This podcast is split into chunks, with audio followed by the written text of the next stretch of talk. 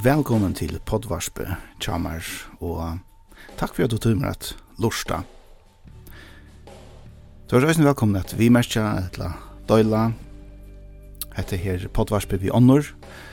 Røysen velkommen at komme av i et etla vi merker god til det som vi har sagt. En annen fyr, hjertelig velkommen.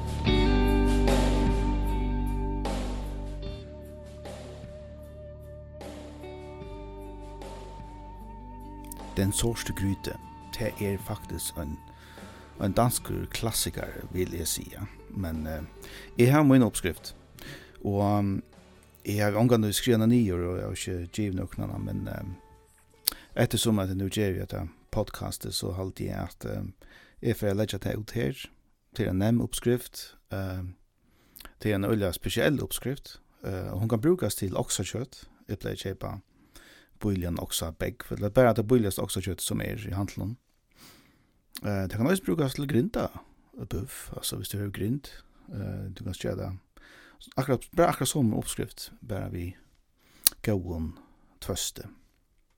Nå, men det som vi snakker om er den sårste gryte, eller svarsta grytan, og hvis det mangler den svarsta gryte, så få det där kan jo från i Mariupol St. Louis her er her har vi alt från Chapmina hon er efter hånden en tavidish man 15 år sånt nu og i brukjana fløyfyrnar om vikna og utrolig god grudda. Eh, så fer inn og kjøpte hun ordentlig støybia skrut og hun kostar 1000 kroner, hun er også ikke verdt. Alt er godt for gåen anboen, halde jeg. Jeg brukte han kvöld, faktisk. Kjørte shepherd's pie. Uh, men etter til sorte gryte, eller svarste grytene. Ok? Ok, det som er vi sorte gryte, det er at du skal ha noen ting klar. Og tog at vi skulle gjøre eplamos, at vi, det er viktig, du skal ha noen persille til eplamoset. Og så skal du ha, jeg bruker whisky, uh, Jack Daniels, eller short. Og ja, fløta, og så skal du ha brytja nekv størst kaffe. ja, det er var snedet, men det er det. Ok, så test du skal gjøre, det er at du skal utfinne gode tog, det skal koka i minst alle i två timmar. Altså, omgå det bedre bästa att koka trutjar ett la mer. Och det bästa ändå hugga så här. Det er altså, så teker du att det kjøttet, og och kan ju så att du gör snäck till att man ger sorts gryta så gjør man ofta til näck folk. Så 2, 3, 4, 5 kilo av kjøtt. Uh, så nekst som du ska bruka. Och um, så kjørst du då i uh, i uh, tärningar av cirka 2-3 cm. Uh, og legg det klart til, til syes. Så en kører du nok av smør i grudna, så skal alt kjøttet brunkast og ta det øyde brunkast, så betyr det brunkast. Det vil si at det skal ikke koka, det skal brunkast, og det vil gjørst ved at du hever grøytene forfra. Onkte pleier kvar et lite senter av olivenolje og i smøre for at smøret ikke skal brenne. Og ikke hva det, onker andre må forstand på det er, men olivenolje gjør åpenbart til at smøret ikke brenner. Og ja, så kvar du kjøtt jo i, og brunka det, hvis du skal brunka det i fløyre omgengene, så gjør så det. Så tek du et kilo av sen og brunka det, og så legger du det altså i, så tek du neste kilo i. Ta du har liv det, så kører du alt kjøttet i grøtene, og så skal du kører kaffe i.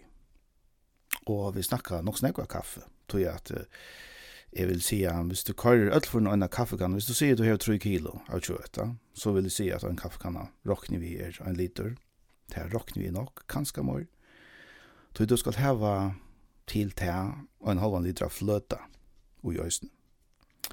Du skal også heva tomatpuré. Jeg pleier å bruke en sånn at de er større uh, konservisasjonen som jeg kører jo i.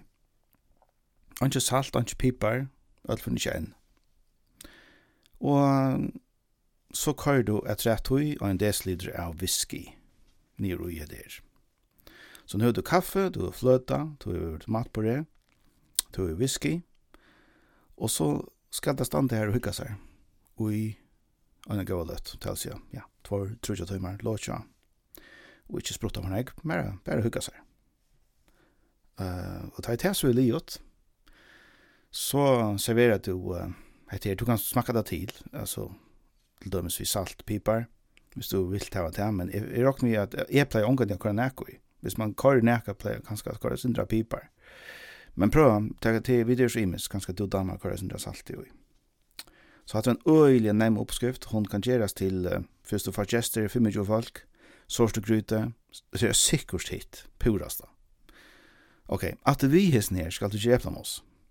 Och ta du just eplamos, ta er det ekstremt viktigt at du kokar, eh, ja, kaukar eplene i vattnet som ikkje hever salt i. Det vil at det skal være rønt vatten. Uh, du kan välja at flise eplene. Uh, du kan også velge at heva epler som har ganske tunt skal, og lette det bare koka, og bruka te. Det gjør jeg ofta. Jeg har ikke gjort det uh, til onker selskap her i uh, Jerry Eplamosse og lett skal vi roi. Eller vi å eplen. Og så tek du eplene og, og tek det til syes. Jeg tek grudna til syes, køyre nokka smør jo i Eh, det kan godt være en patcha smør, altså easy. Og så en rikva pipar, atter, og kvøten pipar sjående, salt, ordentlig salt. Eh, tals er altså ikke det fina saltet, men, men kokkasalt, eller, eller lesesalt, eller også lekkersalt, som, som du kører, som du, som du knutjar med fingrarna med du kører den i. Og så puskar du. Ikke kar sugrøy, som kar sugrøy, ikke kar sugrøy så puskar du etter. Du tek simpelthen handpuskar og kører ned i grøytene og truster eh, puskerhuset ned i, og, og så tendrar du og, og gjør du fotla skruer til du først så lekkurst kremot eplamos. Sjån du skal mjölk i omskylda. Det skal, jeg vet ikke, hvis du gjørst denne større grøyt og, og nå har man nedra mjölk. Øysene, til å si smør, mjölk, salt, piper, fyra ting. Så du pushkar det, og til det blir så lekkert, kremot og luftot. Og hvis det er skala, ja, men så, så er det så sasta inni mittlen her, men det smakar vel, og det, som som har sett at det er gjørst, de har bæra til at det er ikke flis i eppen at, så det smakker simpelthen så vel.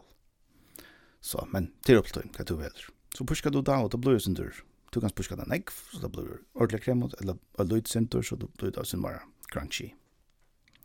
Det skal du servera at vi ser dår sort gryd. Tvei ting. Jeg pleier ikke å servera salt eller nek at vi. Onke du køyri er, som du sørger myndene, så køyri onke du er gular og troi. Altså et okker som tid har litt kjande.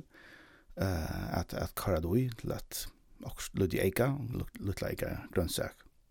Annars er det bare der. Og annars er det opp til du. Men du har salat, ja, men så, så gjørs du salat. Så det er flere som har spørst meg om disse oppskriftene på sort gryte. Hun kan brukes som sagt til tvøst, hun kan brukes til oksakjøtt, og det er så i oksekjøttet at uh, de bøylige og stikkene av oksakjøttet, de er akkurat lykke uh, gau som de dyre stikkene av oksakjøttet, de du støyt eller kaukar kjøtt og lenge tog. Tog at uh, at han har så slantje, så dette fibrene fra kvarnøren er vansett. Og så det smakker akkurat lykke at det kommer fra samme dyr Og det er det samme vi, vi tvøst i øsene. Og sjående, smakken blir sin annerledes da du bruker tvøst, men stadigvæk er det en lekkur ratt. Til det. Og ja, jeg halte skulle bare si at vi tikk ikke i kvöld, og ja, jeg hadde to skått, eller langt vimersing, så, så er det endelig. Så er det velkommen at vi merker. Takk for meg tid.